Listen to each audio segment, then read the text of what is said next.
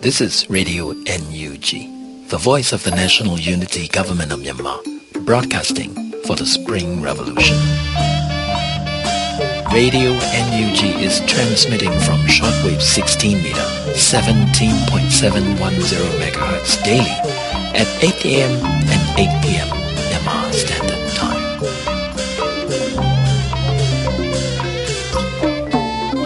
မင်္ဂလာပါခင်ဗျာအမျိုးသားညီညွတ်ရေးအစိုးရရဲ့အသံလွှင့်ဌာနကမြန်မာစံတော်ချိန်မနေ့၈နာရီတစ်ချိန်ည၈နာရီတစ်ချိန်လိုင်းလိုမီတာ16 19.8 MHz မှာနေ့စဉ်အသံလွှင့်ပေးနေပါပြီမြန်မာနိုင်ငံသူနိုင်ငံသားများမင်္ဂလာအပေါင်းနဲ့ပြည့်စုံကြပါစေခုချိန်ကစပြီး Radio NUG အစီအစဉ်လေးကိုဓာတ်ရိုက်အသံလွှင့်ပေးနေပါပြီ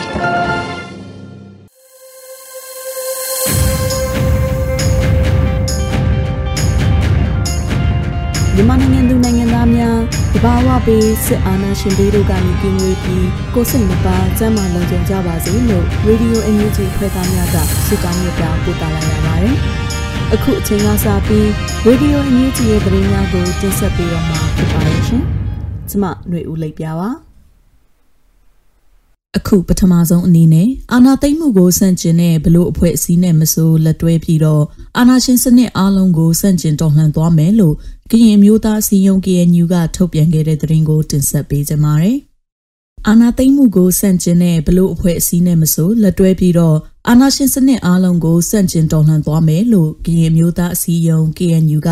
လက်ရှိအခြေအနေတွေနဲ့ပတ်သက်တဲ့မူဝါဒကိုထုတ်ပြန်ခဲ့ပါတယ်။ KNU ဟာ Federal နဲ့ Democracy စနစ်ကိုမြင့်တင်ဖို့ခိုင်မာတဲ့ကတိကဝတ်နဲ့လိုက်နာဆောင်ရွက်မှုကိုဆက်လက်ထိန်းသိမ်းထားပြီးအာဏာသိမ်းမှုကိုဆန့်ကျင်တဲ့ဘလို့အဖွဲ့အစည်းနဲ့မဆိုလက်တွဲပြီးအာဏာရှင်စနစ်အားလုံးဆန့်ကျင်တော်လှန်သွားမယ်လို့ထုတ်ပြန်ချက်မှာဖော်ပြထားပါတယ်။ KNU အနေနဲ့မြန်မာစစ်တပ်ရဲ့ရက်စက်ကြမ်းကြုတ်မှုတွေကအကာအကွယ်ရယူလိုတဲ့ဘယ်သူကိုမဆိုတတ်နိုင်တဲ့ဘက်ကကုညီပံ့ပိုးပေးပြီးနှစ်ရှည်ဖြစ်ပွားခဲ့တဲ့ပြည်တွင်းစစ်ရဲ့မူလစစ်မြစ်ကိုဖြေရှင်းဖို့ စစ်မှန်တဲ့ငြိမ်းချမ်းရေးနဲ့တိုင်းပြည်တည်ငြိမ်အေးချမ်းရေးကိုဆောင်ကျဉ်ဖို့နောက်ထပ်ဖြည့်ရှင်းရေးနီလန်းတစ်တွေကိုဆက်လက်ရှာဖွေလှုပ်ဆောင်သွားမယ်လို့လည်းပါဝင်ပါတယ်။ပြည်သူတွေအနေနဲ့လည်းလွတ်လပ်မှုနဲ့တရားမျှတမှုအတွက်မိမိတက်နိုင်တဲ့ဘက်ကနီးမှန်လမ်းမှန်နဲ့ကုညီထောက်ခံကြောင်းထုတ်ဖော်ပြသပေးကြဖို့လဲ KNU ကတိုက်တွန်းခဲ့ပါတယ်။ KNU ဟာ February လဆန်းကတည်းကစစ်တပ်အာဏာသိမ်းမှုကိုကန့်ကွက်တဲ့အကြောင်းသဘောထားထုတ်ပြန်ခဲ့ပြီးတော့စစ်ကောင်စီရဲ့ဖိနှိပ်မှုကြောင့်ဒုက္ခအခက်အခဲကြုံနေတဲ့ပြည်သူလူထုတွေကိုတတ်နိုင်တဲ့ဘက်ကကူညီနေတဲ့တိုင်းရင်းသားလက်နက်ကိုင်အဖွဲ့အစည်းဖြစ်ပါတယ်။အာဏာသိမ်းပြီးနောက်ပိုင်းမှာလည်း KNU တပ်မဟာနယ်မြေတွေမှာစစ်ကောင်စီတပ်တွေနဲ့တိုက်ပွဲတွေဟာတောက်လျှောက်ဖြစ်ခဲ့တာရှိပါတယ်။ပြီးခဲ့တဲ့ဩဂုတ်လအတွင်းမှာပင် KNU နဲ့စစ်ကောင်စီတပ်တွေအကြားတိုက်ပွဲ200ကျော်ဖြစ်ပွားခဲ့ပြီးတော့စစ်ကောင်စီတပ်က160ကျော်တိတ်ဆုံးခဲ့ပြီး100ကျော်ဒဏ်ရာရခဲ့တယ်လို့ KNU ဗဟိုသတင်းနဲ့ပြန်ကြားရေးဌာနကထုတ်ပြန်ထားပါတယ်။ KNU တပ်မဟာ9ခုရှိတဲ့အနက်ကတပ်မဟာ9ခုရဲ့နေမြေတွေမှာတိုက်ပွဲတွေဖြစ်ခဲ့တာလို့ဆိုပါတယ်။စစ်ကောင်စီတပ်ရဲ့စစ်ရေးလှုပ်ရှားမှုတွေကြောင့်ဩဂုတ်လအတွင်းကတထုံခရိုင်တပ်မဟာ1ထိန်းချုပ်နယ်မြေမှာတိုက်ပွဲ24ကြိမ် တောင်ငူခရိုင်တပ်မဟာ2နယ်မြေမှာ6ကြိမ်ညောင်လေးပင်ခရိုင်တပ်မဟာ3နယ်မြေမှာ2ကြိမ်ဖာပွန်ခရိုင်တပ်မဟာ9နယ်မြေမှာ182ကြိမ်ဒူပလာယာခရိုင်တပ်မဟာ6နယ်မြေမှာ4ကြိမ်စုစုပေါင်းတိုက်ပွဲ218ကြိမ်ဖြစ်ပွားခဲ့တယ်လို့ထုတ်ပြန်ခဲ့ပါတယ်။အဲ့ဒီတိုက်ပွဲတွေကြောင့်စစ်ကောင်စီဘက်မှ166ဦးသေ100ဦးဒဏ်ရာရခဲ့တယ်လို့ထုတ်ပြန်ခဲ့ပါတယ်ရှင်။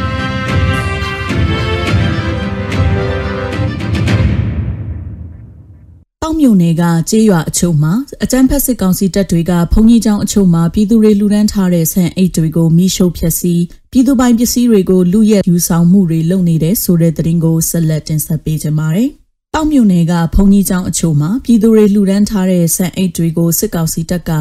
ဒီဇယ်ရီလောင်းဖျက်ဆီးခဲ့တယ်လို့ဒေသတွင်းမှာရှိတဲ့ကြေးရွာတွေကပြည်သူလူထုပိုင်ပစ္စည်းတွေဖျက်ဆီးတာယူဆောင်တာတွေလုပ်ခဲ့တယ်လို့ဒေသခံကပြောပါတယ်။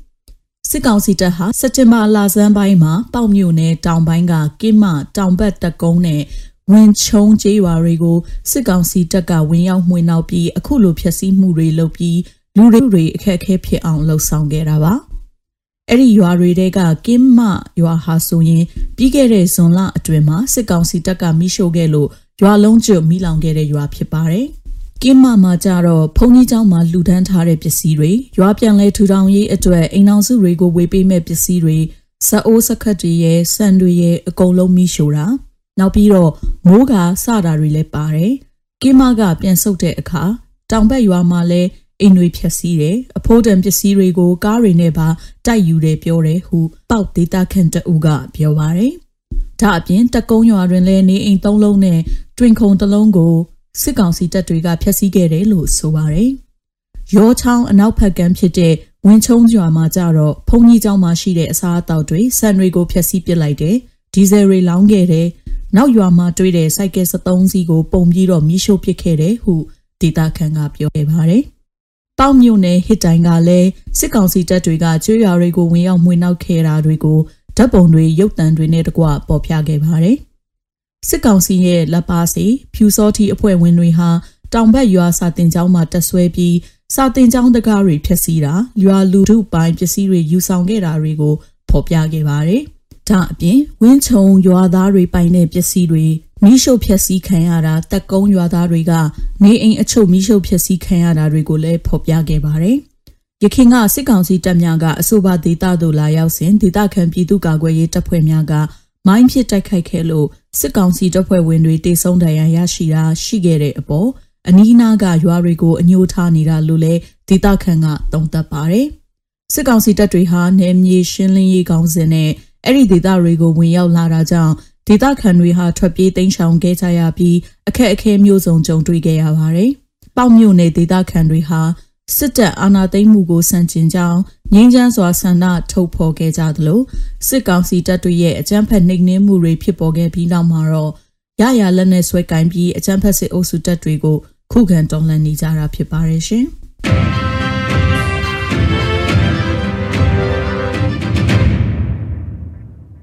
အခုနောက်ဆုံးအနေနဲ့ခလေးမြို့နယ်ပြည်သူ့ကာကွယ်ရေးတပ်ဖွဲ့ PDF ကတိုက်ခိုက်ခဲ့လို့စစ်ကောင်စီတပ်ဖွဲ့ဝင်အ ਨੇ ဆုံး၈ဦးသေဆုံးခဲ့တဲ့တဲ့ရင်ကိုတင်ဆက်ပေးမှာဖြစ်ပါတယ်။ခလေးမြို့နယ်ကကြေးရွာလူထုတွေကိုဖိနှိပ်ခဲ့တဲ့စစ်ကောင်စီတပ်ကိုခလေးမြို့နယ်ပြည်သူ့ကာကွယ်ရေးတပ်ဖွဲ့ PDF ကကြားဖြတ်တိုက်ခိုက်ခဲ့လို့စစ်ကောင်စီတပ်ဖွဲ့ဝင်အ ਨੇ ဆုံး၈ဦးသေဆုံးခဲ့တယ်လို့ PDF ကသတင်းထုတ်ပြန်ပါတယ်။ခလေးမြို့နယ်တောင်ပိုင်းမြစ်တာမြစ်အရှိတ်ဘက်ကမ်းမှာရှိတဲ့ အင်းကျွန်းကျေးရွာကိုဝင်ရောက်စီးနှင်းတဲ့စစ်ကောင်စီတပ်ကို PDF ကကြားဖြတ်တိုက်ခိုက်ခဲ့လို့စက်တင်ဘာ3ရက်နနက်9နာရီကနေ10နာရီခန့်ကြာအောင်တိုက်ပွဲဖြစ်ခဲ့တယ်လို့ဆိုပါတယ်။စက်တင်ဘာ4ရက်နနက်ပိုင်းမှာလည်းလဲချားရွာအနီးမှာ2နာရီကြာထပ်မံတိုက်ပွဲဖြစ်ခဲ့တယ်လို့ PDF ကထုတ်ပြန်ပါတယ်။ တိုက်ပွဲနှစ်ရက်အတွင်းမှာစစ်ကောင်စီကြေးကျွန်းအကြမ်းဖက်စစ်သားအ ਨੇ ဆုံး၈ဦးသေဆုံးပြီး PDF တပ်ဖွဲ့ဝင်3ဦးလက်နက်ကြီးအစအနထိမှန်ဒဏ်ရာရခဲ့တယ်လို့ထုတ်ပြန်ချက်မှာဖော်ပြထားပါတယ်။စစ်ကောင်စီတပ်ဟာလဲချာကုတ်ကိုနဲ့ရှားတော့ချေရွာတွေကိုဝင်ရောက်စီးနင်းပြီးချေရွာပြည်သူတွေရဲ့နေအိမ်တွေကိုမှွေနှောက်ဖျက်ဆီးနေဆဲဖြစ်တယ်လို့လည်း PDF ကထုတ်ပြန်ခဲ့ပါတယ်။ရှားတော့ရွာအတွင်းက နေအိမ်တွေကိုလည်းစစ်ကောင်စီတပ်ကမိရှို့ဖျက်ဆီးနေတယ်လို့ဖော်ပြခဲ့ပါတယ်။စစ်ကောင်စီတပ်ဖွဲ့တွေရဲ့အကြမ်းဖက်ရန်ပြုမှုတွေကြောင့်ကျေးရွာနေပြည်သူတွေဟာဘေးလွတ်ရာတိတ်ဆောင်ထွက်ပြေးနေကြရပြီး PDF တပ်ဖွဲ့ဝင်တွေကလိုက်ပါဆောင်ရှောက်ကောက်ွယ်ပေးလျက်ရှိတယ်လို့လည်းထုတ်ပြန်ခဲ့ပါတယ်ရှင်။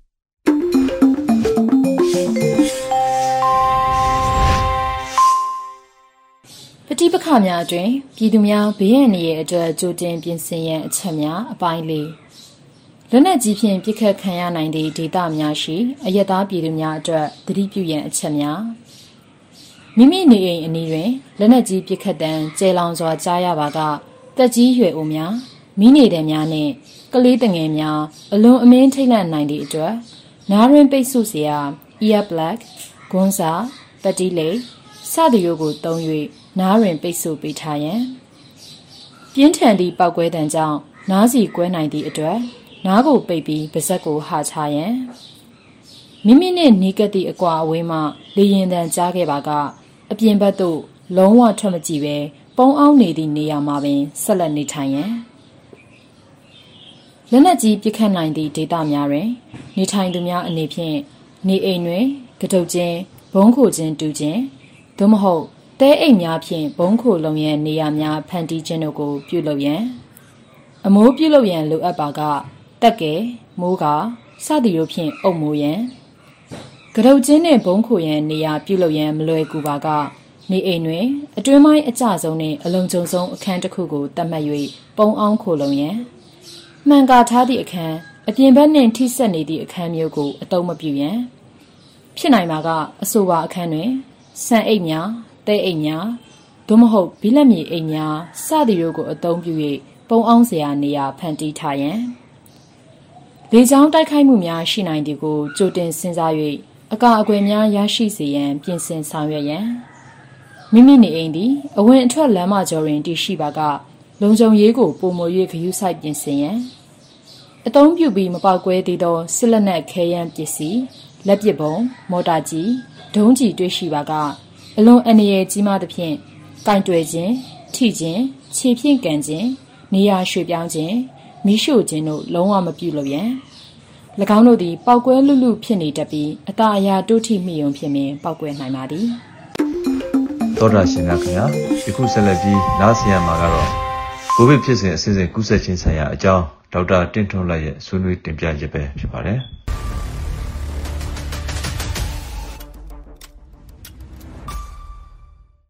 ကိုဗစ်ယောဂသည်လူကိုဘယ်လိုသိသိနိုင်တာလဲပေါ့ ကိုဗစ်ယောဂဘာလို့သိစေလဲဆိုတာကိုမပြောခင်မှာကျွန်တော်ကိုဗစ်ယောဂဘယ်လိုဖြစ်တာလဲဆိုတဲ့အကြောင်းအရင်ပြောပြပါမယ်ကိုဗစ်သည်တခြားဒီကိုရိုနာဗိုင်းရပ်စ်ကနေပြီးတော့ခန္ဓာကိုယ်ထဲကိုဝင်ရောက်လာတဲ့အခါမှာသူကနေပြီးတော့ယောဂကိုဖြစ်စေတာဘယ်အချိန်မှာစဖြစ်လဲခန္ဓာကိုယ်ထဲကိုဝင်ပြီးတပတ်က၄ရက်ကနေတပတ်လောက်အတွင်းမှာစပြီးတော့ယောဂလက္ခဏာပြတတ်တယ်တချို့ဆိုရင်လည်းကြာတတ်ပါတယ်အဲ့တော့ယောဂလက္ခဏာပြတဲ့အခါမှာခန္ဓာကိုယ်ထဲဝင်ပြီးဒီကိုဗစ်ယောဂဒီ COVID-19 ယောဂတစ်ခုလုံးရဲ့ ဖြစ်စဉ်တွေမှာနံပါတ်1ပထမဆုံးဘာစဖြစ်လဲဆိုတော့ viral replication လို့ခေါ်တယ်ယောဂရဲ့ပိုးကောင်ကြီးပွားများတဲ့ phase ပွားများတဲ့ကာလပေါ့နော်အဲ့ဒါဒီပထမများသောအားဖြင့်တစ်ပတ်ကနေပြီးတော့10ရက်လောက်ကြာတတ်တယ်အဲ့ဒီကာလအတွင်းမှာလူနာသည်လက္ခဏာပြကျင်လည်းပြမယ်ပြကျင်မှလည်းပြမယ်အဲ့တော့ဒီကာလအတွင်းမှာဒီခန္ဓာကိုယ်ရဲ့အသက်ရှူလမ်းကြောင်းအတွင်းထဲမှာဖြစ်စေနောက်အာယုံကြောတွေထဲမှာဖြစ်စေ နော်ကိုဗစ်ဗိုင်းရပ်ကပြန့်နှံ့ပြီးပွားများပြီးတော့စပြီးတိုက်ခိုက်တဲ့ကာလဖြစ်တဲ့အတွက်ကြောင့်မလို့အဲ့ကာလသည်အရန်ကိုကူးစက်လွယ်ပါတယ်အဲ့ကာလအတွင်းမှာဒီလူနဲ့ထိတွေ့ဆက်ဆံတဲ့လူတွေကသူ့စီယာ virus တွေရသွားဖို့ကူးစက်သွားဖို့ chance အရန်များပါတယ်အဲ့တော့နံပါတ်1ကအဲ့လို virus တွေပွားများနေတဲ့ကာလပါခန္ဓာကိုယ်ကအပြန်လာတဲ့ရန်သူဘယ်တော့မှဒီတိုင်းအလကားမထားပါဘူးပြန်တိုက်ပါတယ်အဲ့တော့ပွားများနေတဲ့ကာလပြီးသွားရင်ပြန်တိုက်တဲ့ကာလကိုရောက်လာပါတယ်ပြန်တိုက်တဲ့အခါကျရင် စစ်မြေပြင်တစ်ခုလိုပါပဲ virus တွေဝင်လာတယ်ခန္ဓာကိုယ်တွေကနေပြန်ပြီးတုံ့ပြန်တိုက်ခိုက်တယ်တိုက်ခိုက်တဲ့အခါကျတော့ကျွန်တော်တို့ဒီခန္ဓာကိုယ်အဆုတ်ကြွက်သားတွေအဆုတ်တွေနောက်ပြီးတော့ဒီအသက်ရှူလမ်းကြောင်းတွေကဘာဖြစ်သွားလဲဆိုတော့စစ်မြေပြင်ဖြစ်တဲ့ကြောင့်မလို့တိုက်ခိုက်ခံလိုက်ရတယ်တိုက်ခိုက်တဲ့စစ်ပွဲဖြစ်သွားတဲ့နေရာမှာပျက်စီးမှုတွေရှိလာတယ်အဲ့တော့အဲ့ပျက်စီးမှုတွေရှိလာတယ်စစ်ပွဲဖြစ်လာတယ်အဲ့လိုမျိုးဒီတုံ့ပြန်မှုတွေကြောင့်မလို့ဒီတိုက်ပွဲတွေကြောင့်မလို့ခန္ဓာကိုယ်ထဲမှာအဆုတ်ကကောင်းကောင်းအလုံးမလုံးနိုင်တာရှိတယ်အဲ့ချိန်ကျရင် အဆုတ်ထဲအဆုတ်ရဲ့အဓိကအလုပ်ကတော့ကျွန်တော်တို့ခန္ဓာကိုယ်လိုအပ်တဲ့နေရာမှန်သမျှအောက်ဆီဂျင်ပြောင်းအောင်လုပ်ပေးတာအဲ့တော့အဆုတ်ကကောင်းကောင်းအလုံးမလုံးနိုင်တော့ခန္ဓာကိုယ်ရဲ့အောက်ဆီဂျင်တွေကျလာတယ်ပြန်ပြီးတော့တုံ့ပြန်တဲ့ phase ကျွန်တော်တို့ဆေးခေါ်ကတော့ inflammatory phase လို့ခေါ်တယ်ပြန်ပြီးတိုက်ခိုက်တုံ့ပြန်တဲ့ကာလပေါ့နောက်ပြီးအဲ့ကာလကြော်သွားပြီးတုံ့ပြန်တာစစ်ပွဲပြီးသွားပြီဆိုရင်ဘာဖြစ်လဲ recovery လို့ခေါ်ပါတယ်ပြန်လဲနလန်ထူလာတယ်ဟိုမှာစစ်မြေပြင်တစ်ခုလုံးပျက်စီးသွားတယ်ပျက်စီးသွားတဲ့စစ်မြေပြင်ပြန်လဲတိဆောက်တာပြန်လဲနလန်ထူလာတဲ့ကာလဖြစ်ပါတယ်တချို့ကလုံးဝပြန်ကောင်းသွားပါတယ်ဒါပေမဲ့အဲ့ကာလအရေးကြီးပါတယ် ပြန်လဲထူထူထောင်နေတဲ့ကာလအတွင်းမှာအမှားယွင်းလုံးပြီလို့ရှိရင်ငကိုကစစ်တန်ကြောင်းမလို့ထိခိုက်နေတဲ့နေရာတွေကပို့ပြီးတော့ဒုက္ခရောက်သွားတတ်တယ်အဲ့တဲ့ကြောင့်မလို့ယောဂကောင်းလာပြီးမှငါတို့ကယောဂတက်တာလာပြီးတက်တာပြီးတော့မှရုပ်တရက်ကြီးတည်သွားတယ်အဲ့ဟာဒီကာလမှာဖြစ်တာပါကျွန်တော်တို့ဆေးခေါ်မှာတော့ cytokine storm လို့ခေါ်တယ်ရန်သူကမရှိတော့ဘူးတည်သွားပြီဒါပေမဲ့အဲ့ခါကျမှပဲဒီခန္ဓာကိုယ်ကနေပြီးတော့ပြန်ပြီးတော့တိုက်ခိုက်မဲ့လက်နက်တွေအများကြီးထုတ်ပလိုက်တာရန်သူကတော့မရှိတော့ အဲ့တော့တိုက်ခိုက်မဲ့လက်နက်တွေရန်သူမရှိမှရှိနေအောင်ရှိနေတယ်လို့ထင်ပြီးတော့ခန္ဓာကိုယ်ထဲမှာရှိနေတဲ့စိတ်ပိုင်းတွေအင်္ဂါအစိတ်ပိုင်းတွေကိုတိုက်ခိုက်တယ်တိုက်ခိုက်တဲ့အခါကျတော့ခန္ဓာကိုယ်ထဲမှာကိုယ့်ရဲ့ဒီအဆုတ်ကြွသားတွေအဆုတ်ရဲ့အသက်ရှူတဲ့ system တွေနောက်အုံနောက်တွေနောက်ဒီအစာအိမ်စသဖြင့်နေရာပေါင်းစုံဒါ system ပေါင်းစုံလိုက်ပြီးတော့တိုက်ခိုက်ခံရတဲ့အခါကျတော့ကိုကိုကိုကိုပြန်တိုက်ခိုက်တယ်လို့ဖြစ်ပြီးတော့ဒါခန္ဓာကိုယ်မှာဒီစနစ်တွေအကုန်ချုပ်ယွင်းပြီးတော့အသက်အန္တရာယ်အသက်ဆုံးပါတဲ့အခြေအနေမျိုးဖြစ်သွားတတ်ပါတယ် ဒီဟာဒီအရန်အရေးကြီးပါတယ်ကောင်းသွားပြီးမှပြန်တည်သွားတယ်ဆိုတာဒီဒီအချက်ကြောင့်ဖြစ်ပါတယ်အဲ့တော့ဒါဒီကျွန်တော်တို့ကိုဗစ်ယောဂရဲ့ဖြစ်စဉ်လေးဖြစ်ပါတယ်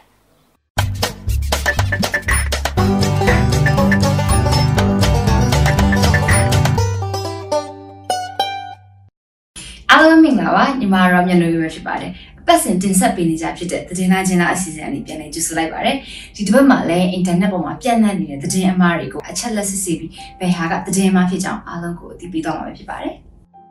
ဒီတစ်ပတ်ပြပြပေးခြင်းတဲ့သတင်းအမှားတွေကတော့အစိုးရအမျိုးသားရေးလှုပ်ရှားသူနောက်တော်လေးခေါ်နိုင်ဝင်းထွန်းဆိုတဲ့သူတည်ထောင်ထားတဲ့မြန်မာ National Post ဆိုတဲ့သတင်းမီဒီယာအယောင်ဆောင် website ကညဉ့်ညမ်းစာကတစ်ခုကိုအသုံးပြုပြီးတော့စစ်အာဏာရှင်စနစ်ကိုတော်လှန်နေတဲ့တောခုနေသူတွေကအမျိုးသမီးတဦးကိုဝိုင်းဝန်းအတ္တမပြုကျင့်နေတယ်ဆိုပြီးလှုပ်ကြံတဲ့အမှာဖြန့်နေတဲ့အကြောင်း ပကံမှာမိုးကြီးရဲ့အတွက်ပြီးခဲ့တဲ့ဩဂတ်စ်31ရက်နေ့ညကတန်မြင့်စော့ဖရားတိုင်းပြိုကျပျက်စီးခဲ့တာကိုအသုံးချပြီး NLD အစိုးရလက်ထက်ကပကံဖရားအလူငွေတွေရှင်းတန်းထုတ်ပြန်ခြင်းမရှိဘူးလို့ကိုခန့်ဆိုတဲ့ Telegram ကနေအချိန်ကသတင်းမှထုတ်လွှင့်ပြီးဖြန့်နေတဲ့အကြောင်းနဲ့ပြည်ပကလက်နက်တွေလူထားရဲဆိုပြီးအင်တာနက်ပေါ်မှာအရင်ရှိပြီးသားပုံတွေနဲ့ကချင်မြေ Global News ဆိုတဲ့စာမျက်နှာကနေသတင်းမှဖြန့်နေတဲ့အကြောင်းလိုပဲဖြစ်ပါတယ်။ အစိုးရအမျိုးသားရေးလှုပ်ရှားသူနောက်တော်လေးခေါ်နိုင်ဝင်းထွန်းဆိုတဲ့သူတည်ထောင်ထားတဲ့မြန်မာ National Post ဆိုတဲ့သတင်းမီဒီယာအယောင်ဆောင် website ကညဉ့်ညမ်းဆက်ကားတစ်ခုကိုအသုံးပြုပြီးစစ်အာဏာရှင်စနစ်ကိုတော်လှန်နေတဲ့တောခုနေသူတွေကအမျိုးသမီးတဦးကိုဝိုင်းဝန်းအတ္တမပြုကျင့်နေတယ်ဆိုပြီးလောက်ကျန်သတင်းမှာဖြန့်နေတဲ့အကြောင်းပဲဖြစ်ပါတယ်။ အဲ့ဒီပုံဖြတ်ထားတဲ့သတင်းမှာကိုမြန်မာ National Post ဆိုတဲ့ website ကနေတင်ထားတာဖြစ်ပြီးတော့ Facebook ပေါ်မှာလည်းအကြမ်းဖက်စစ်အုပ်စုကိုအားပေးထောက်ခံနေကြတဲ့ account တွေ page တွေကနေထပ်ဆင့်ပြန်လည်ဖြန့်ဝေပုံဖြတ်နေကြတာပဲဖြစ်ပါတယ်။ရေးသားရတဲ့သတင်းအမှားအကြောင်းအရာကတော့ရက်သက်တစ်ပတ်အတွင်းကအမျိုးသားရှိဦးကအမျိုးသမီးငယ်တဦးကိုဝိုင်းဝန်းအဒမပြုခြင်းစော်ကားနေသည့်တပ်ပုံများလူမှုကွန်ရက်တွေထွက်ပေါ်ခဲ့ပြီးအဆိုပါတပ်ပုံများဤမူရင်းရုပ်သံထွက်ပေါ်လာသည်ကိုယနေ့တွေ့မြင်လိုက်ရသည်။ torrent တနေရာတွင်တောခုန်နေကြသူများကျူးလွန်နေသည့်အတ္တမပြုကျင့်စော်ကားမှုဟုယူဆရပြီး1992ခုနှစ်ကလည်းအလားတူဖြစ်ရမျိုးတောဖို့အကြမ်းဖက်သမားများကကျူးလွန်ခဲ့သည့်ဖြစ်ရများရှိခဲ့မှုကြောင့်နိုင်ငံရေးလှုပ်ရှားသူများထံမှသိရသည်ယနေ့ကာလတွင် CRPH, NUG အစရှိသောအကြမ်းဖက်အဖွဲ့များကနိုင်ငံရေးစုပူအောင်ကျွမ်းမှုဖန်တီးပြီးလူငယ်များကိုအကြမ်းဖက်သမားများအဖြစ်အသုံးပြုရန်တော်ရင်လက်နက်ကင်အဖွဲ့များထံဆေလွတ်ရမှမဖွယ်မရကိစ္စရဲ့များဖြစ်ပေါ်နေသည့်အပေါ် မိဘများအနေဖြင့်မိမိတို့၏သားသမီးများကိုဖြောင်းဖြရန်တာဝန်ရှိသူများကလည်းတိုက်တွန်းပြောဆိုထားသည်ဆိုပြီးညဉ့်ညမ်းစောဝင်ခံတစ်ခုရဲ့ပုံနဲ့တော့ရေးသားဖြန့်ဖြူးထားတာဖြစ်ပါတယ်။ပုံကို Yandex Image Reverse Search တူနဲ့ရှာဖွေစစ်ဆေးကြည့်လိုက်တဲ့အခါမှာတော့အဲဒီဓာတ်ပုံကအင်တာနက်ပေါ်မှာရှိနေပြီးသားဖြစ်တဲ့ညဉ့်ညမ်းဆက်ကားတစ်ခုတည်းကပုံတစ်ခုဖြစ်တယ်ဆိုတာကိုစစ်ဆေးတွေ့ရှိရပါတယ်။ဒါကြောင့်အစွန်းရောက်အမျိုးသားရေးလှုပ်ရှားသူနောက်တော်လေးခေါ်နိုင်ဝင်းထွန်းဆိုတဲ့သူတည်ထောင်ထားတဲ့မြန်မာ National Post ကဖြန့်ဖြူးနေတဲ့စစ်အာဏာရှင်စနစ်ကိုတော်လှန်နေတဲ့တောခုသူတွေကအမျိုးသမီးတူကိုဝိုင်းဝန်းအတ္တမပြုကျင့်နေတယ်ဆိုတဲ့သတင်းကပုံဖြတ်ထားတဲ့သတင်းအမှားဖြစ်ကြောင်းအားလုံးကိုအသိပေးချင်ပါတယ်တကယ်တမ်းကနှစ်ပေါင်းများစွာတိုင်းရင်းသားဒေသတွေပြည်တွင်းစစ်ဖြစ်ပွားရာဒေသတွေမှာစိတ်ဝေနာရှင်တွေပါမရှောင်အသက်80ကျော်အဖွားအရွယ်ပါမကြံလိန်ပိုင်းဆိုင်ရာအတ္တမပြုကျင့်မှုတွေစော်ကားမှုတွေကျူးလွန်တာဘယ်သူတွေလဲဆိုတာတိုင်းရင်းသားဒေသထုတ်ပြန်ခဲ့မှုတဲ့စစ်တမ်းတွေစာတမ်းတွေကပြသနေပါတယ် ရှေ့တန်းရောက်ရင်မင်းတို့လှုပ်ချင်ရလှုပ်ဆိုတဲ့အမိန့်နဲ့အတူကာမေသူမိစ္ဆာစာရကံကိုစစ်တီရောကျင့်ဝတ်လိုမျိုးကျင့်သုံးခဲ့ကြတဲ့စစ်ကောင်စီတပ်ဖွဲ့ဝင်အချို့ရဲ့ယွန်ရှာဖွဲ့သမိုင်းနဲ့နှိုင်းယှဉ်ပြီးတော်လှန်ရေးအင်အားစုတွေကိုပုံဖြတ်ဖို့ကြိုးစားတာပဲဖြစ်ပါတယ်။ အဲ့ဒီမြန်မာ National Post ဆိုတဲ့သတင်းမီဒီယာအယောင်ဆောင်စာမျက်နှာအကြံဖက်စစ်ကောင်စီကိုအားပေးထောက်ခံပြီးအကြံဖက်စစ်ကောင်စီရဲ့လက်ကင်လိုဝါဒဖြန့်ချီရေးရန်တရားတစ်ခုဖြစ်တည်ရှိနေတာဖြစ်ပါတယ်။ NLD အစိုးရလက်ထက်ရွေးကောက်ပွဲမတိုင်ခင်ကတည်းကလည်းသတင်းအမှားတွေကိုထပ်တလဲလဲဖြန့်ဖြူးခဲ့ပူပါတယ်။ အဲ့လိုသတင်းအမှားတွေကိုဖြန့်နေတဲ့မြန်မာ National Post website က2019ခုနှစ်အောက်တိုဘာလ10ရက်နေ့ကလေးကစတင်ဖွင့်လှစ်ခဲ့တာဖြစ်ပြီးတော့2023ခုနှစ်အောက်တိုဘာလ10ရက်နေ့အထိတက်တန်းရှိနေတဲ့ website ဖြစ်ပါတယ်။ website ကိုမှတ်ပုံတင်ထားတဲ့နာမည်ကနိုင်ဝင်းထွန်းဆိုတဲ့နာမည်နဲ့ဖြစ်နေပါတယ်။ နိုင်ဝင်းတို့ဆိုတာကသတင်းမီဒီယာသမားမဟုတ်ပဲမာဘာသာလို့ခေါ်တဲ့အစွန်းရောက်မျိုးချစ်အဖွဲ့ဝင်တဦးဖြစ်ပြီးတော့2019ခုနှစ်ကစပြီးမီဒီယာသမားလို့ခံယူပြီးသတင်းအမှားတွေနဲ့လူမျိုးရေးဘာသာရေးကိုမိုင်းတိုက်တဲ့ post တွေကိုရေးသားနေခဲ့တာပဲဖြစ်ပါတယ်။အခုလက်ရှိမှာလဲစစ်အာဏာရှင်စနစ်ကိုစန့်ကျင်တဲ့သူတွေကိုပုံဖြတ်တဲ့သတင်းအမှားတွေကိုမီဒီယာအမိခံပြီးဝါရဖြန့်နေရဖြစ်တဲ့အတွက်မြန်မာ National Post လို့ခေါ်တဲ့သတင်းမီဒီယာအယောင်စာ website ကတင်သွင်းတဲ့သတင်းတွေကိုမယုံကြည်ကြဖို့လိုအပ်ပါတယ်။ ဆက်လက်ပြီးပြောပြပေးခြင်းတဲ့သတင်းမှနောက်တစ်ခုကတော့ပကံမှာမူကြီးခဲ့တဲ့အတွက်ပြီးခဲ့တဲ့ဩဂတ်စ်31ရက်နေ့ညကတန်ပြင်စွဖရားတတိုင်းပြိုကျပျက်စီးခဲ့တာကိုအသုံးချပြီး NLD အစိုးရလက်ထက်ကပကံဖရားအလူငွေတွေရှင်းတန်းထုတ်ပြန်ခြင်းမရှိဘူးလို့အချိန်ကသတင်းအမှားထုတ်လွှင့်ပြီးပုံဖြတ်နေတဲ့အကြောင်းပဲဖြစ်ပါတယ်။ကိုခန့်ဆိုတဲ့ Telegram ကနေစတင်ဖြန့်ဖြူးခဲ့တာဖြစ်ပြီးတော့မိုးရွာသွန်းမှုများများပြားတဲ့အတွက်ဩဂတ်စ်31ရက်ညမှာတန်ပြင်စွဖရားတတိုင်းပြိုကျပျက်စီးခဲ့တာနဲ့အချိန်က အရင် NLD အစိုးရလက်ထက်ကပကံဖျားအလူငွေတွေကိုရှင်းတန်းထုတ်ပြန်ခြင်းမရှိဘူးဆိုပြီးပုံဖြတ်တဲ့မှာထုတ်လွှင့်လာတာပဲဖြစ်ပါတယ်။အချက်လက်စစ်စစ်ကြည့်လိုက်တဲ့အခါမှာတော့2016ခုနှစ်ကပကံမှာလောက်ခတ်ခဲ့တဲ့ငလင်ကြောင့်ပျက်စီးခဲ့တဲ့ဖျားတွေကိုပြုပြင်ဖို့ NLD အစိုးရလက်ထက်မှာပြည်တွင်းပြည်ပကပြည်သူတွေနဲ့နိုင်ငံတကာကထည့်ဝင်ခဲ့တဲ့ငွေတွေကိုပကံဒေသကဖျားတွေကိုပြုပြင်ရမှာယဉ်ကျေးမှုနဲ့သာသနာရေးဝန်ကြီးဌာနက UNESCO နဲ့တွဲပြီးပြုပြင်ခဲ့တာပဲဖြစ်ပါတယ်။ ပစ္စတိုခါချိတ်လူသက်ယူနီဖောင်းနဲ့ဖျားပေါ်တက်ထီတင်ပြီးရင်ပြည်သူဘန်နာအဘဘန်နာဖျားပတ်စံအဘပတ်စံဆိုပြီးရသမျှဘက်ကီးပြခဲ့ကြတဲ့ဖျားတကရာကူစာကြီးတွေရဲ့လုပ်ရက်တွေကိုခေအဆက်ဆက်စောမေတို့ကနွားကြည့်ခဲ့ကြပါပြီရှင်။အခုလိုပြည်သူအစိုးရကိုသူတို့ဘက်ကပြန်ပြီးတော့ပုံဖြတ်တဲ့င်းမာတွေလွှင့်နေတာဘာနဲ့တူတယ်လဲဆိုတခိုးကလူပြန်ဟဲ့ကပိုက်နိုင်ကပတ်စံအိတ်တိထားလို့ပြောသလိုပါပဲစဉ်းစားလည်းလောက်ကြပါဦးရှင် ပြည်သူတွေအားလုံးအညံရှိကြပါတယ်ဒါကြောင့် Facebook စာမျက်နှာတွေနဲ့ Telegram မှာပြန့်နှံ့နေတဲ့ NLD အစိုးရလက်ထက်ကပကံဖျားအလူငွေတွေရှင်းတန်းထုတ်ပြန်ခြင်းမရှိဘူးဆိုတဲ့သတင်းကအချိန်ကိုက်သတင်းမှာထုတ်လွှင့်ပြီးပုံဖြတ်နေတဲ့အကြောင်းကိုအားလုံးကိုအသိပေးချင်ပါတယ်နောက်ဆုံးအနေနဲ့ပြောပြပေးခြင်းတဲ့သတင်းအမှားကတော့ဒီပမှအလူရှင်များရောက်ပါပြီဆိုပြီးလက်နက်ပုံတွေနဲ့တင်ထားတဲ့သတင်းအမှားအကြောင်းပဲဖြစ်ပါတယ်။ အဲ့ဒီသတင်းအမှားကိုကချင်မြေ Global News ဆိုတဲ့စာမျက်နှာကနေ August လ31ရက်မှာစတင်ဖြန့်ဖြူးခဲ့တာဖြစ်ပြီးတော့တခြားအကောင့်တွေနဲ့စာမျက်နှာတွေကလည်းကူးယူပြီးပြည်ပလက်နက်တွေလူဒန်းတာရောက်ရှိပြီးဆိုတဲ့ပုံစံနဲ့ဖြန့်ဝေနေကြတာတွေ့ရပါတယ်။အချက်လက်စစ်ဆေးကြည့်လိုက်တဲ့အခါမှာတော့ပုံတွေဟာအင်တာနက်ပေါ်မှာအရင်ကတည်းကရှိနေပြီးသားပုံတွေဖြစ်တယ်ဆိုတာကိုစစ်ဆေးတွေ့ရှိရပါတယ်။ဒါကြောင့်ပြည်ပကလက်နက်တွေလူရဲဆိုတဲ့ပုံနဲ့သတင်းကသတင်းအမှားဖြစ်ကြောင်းအသိပေးချင်ပါတယ်။ အဲ့ဒီတဲ့ကိုဖြန့်ဖြူးခဲ့တဲ့စာမျက်နှာပြီးခဲ့တဲ့ဇူလိုင်လ9ရက်နေ့ကမှစတင်ဖွင့်လှစ်ခဲ့တာဖြစ်ပြီးတော့ဂျပန်နိုင်ငံကတဦးတည်းကထိန်းချုပ်ထားတာကိုတွေ့မြင်ရပါတယ်။အင်တာနက်ပေါ်မှာတွေ့တဲ့သတင်းတိုင်းကိုအလွယ်တကူမယုံကြည်ကြပါနဲ့။အရင်ဆုံးကိုတွေ့မြင်တဲ့သတင်းကိုတင်ထားတဲ့စာမျက်နှာသို့မဟုတ်အကောင့်ကယုံကြည်စိတ်ချတဲ့သတင်းမီဒီယာလား။ဒါမှမဟုတ်သတင်းအမှားတွေမယုံကြည်ရတဲ့သတင်းတွေကိုဖြန့်ဖြူးနေတဲ့စာမျက်နှာလားဆိုတော့တည်တည်ချာချာစစ်ဆေးပြီးမှယုံကြည်သင့်ပါတယ်။ အချိန်တန်တဲ့အခါတိုင်းရင်သားလက်နက်ကင်တွေ PDF တွေနဲ့မကောက်တနိုင်ငံလုံးအုံကြွပြီးတော့စစ်အာဏာရှင်အတွက်အဆုံးသတ်တိုက်ပွဲကိုဆင်နွှဲကြမယ်ဆိုတာတေချာပေမဲ့အခုလိုမျိုးပုံအဟောင်းတွေတင်ပြီးတော့ false hope တွေပေးတာမျိုးကတော့မလိုလားအပ်တဲ့ပြဿနာတွေဖြစ်စေနိုင်တာကိုတတိပြုစေချင်ပါတယ် ဒီတစ်ပတ်အတွက်သတင်းလိုက်ခြင်းသားအစီအစဉ်ကိုတော့ဒီလောက်နဲ့ပဲရန်နာခွင့်ပြုပါနောက်အပတ်တွေမှာလည်း internet ပေါ်ကဂျင်းသတင်းတွေကိုအချက်အလက်တွေစစ်ဆေးပြီးအားလုံးကိုဖော်ထုတ်ပေးတော့မှာဖြစ်တဲ့အတွက်ကြောင့်မလို့ဆက်လက်ပြီးစောင့်မျှော်ကြည့်ရှုပေးကြပါဦးနော်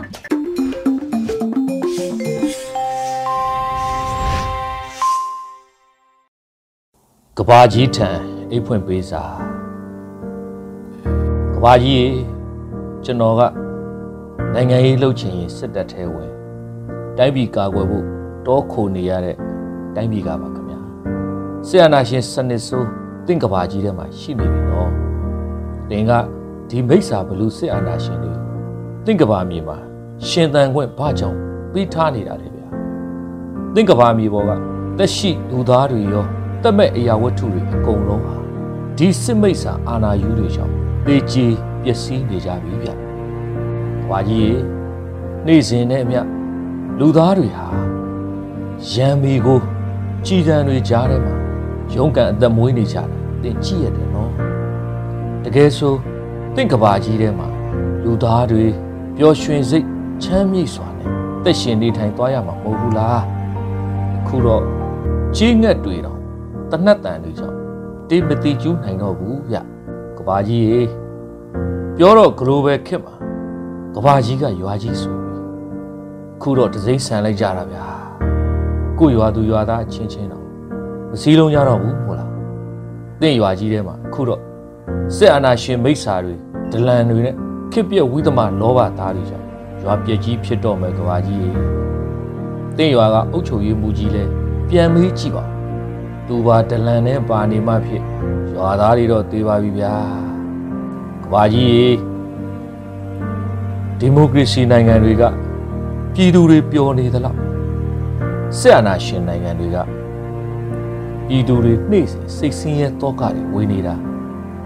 ကဘာကြီးကြားမှာပါတင့်ကိုနားလည်ပြီးလို့ရပါဘာလို့လဲဆို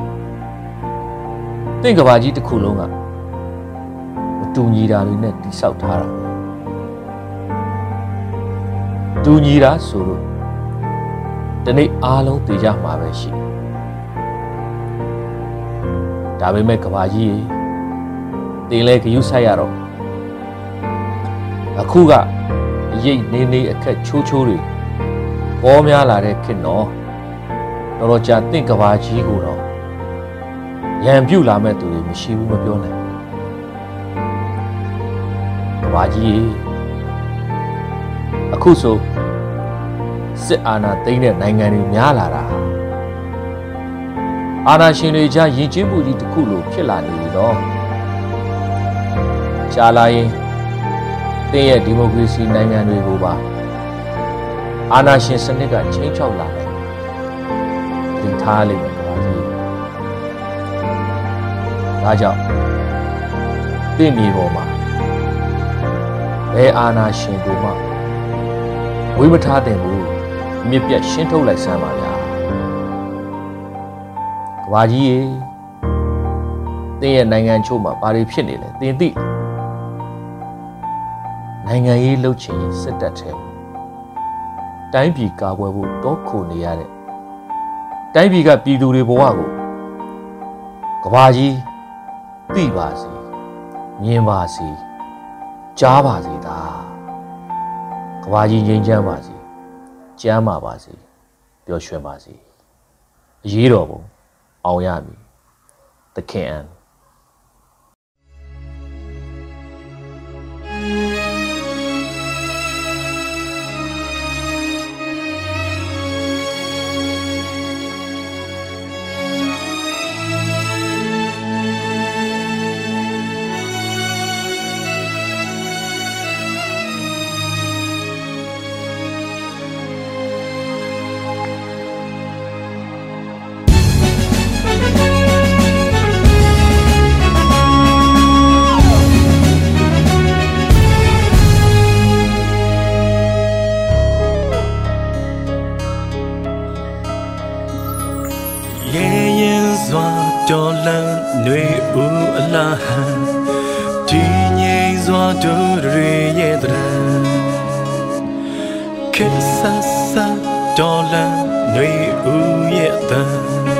အောင်မြင်စွာတို့တွေပန်းပန်းစီလုံးမှုညညာမျောလင်းလက်ဖြံအိမ်ပြန်ချိန်အပြုံးတွေနဲ့ဟန်ဒီချိန်မှာတို့တွေဒူညီစွာမြဲမြံလက်တွေ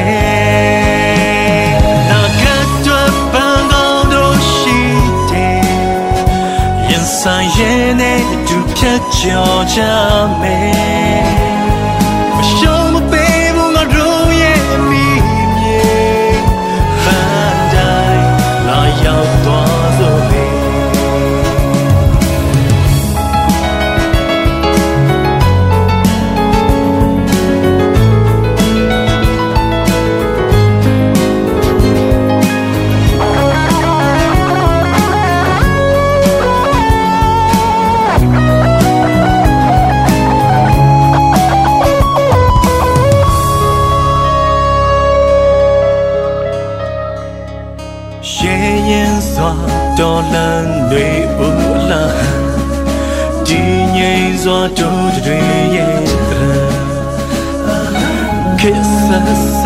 တော်လန်တွေဦးရဲ့တန်အောင်မြင်စွာတို့တွေပန်းပန်း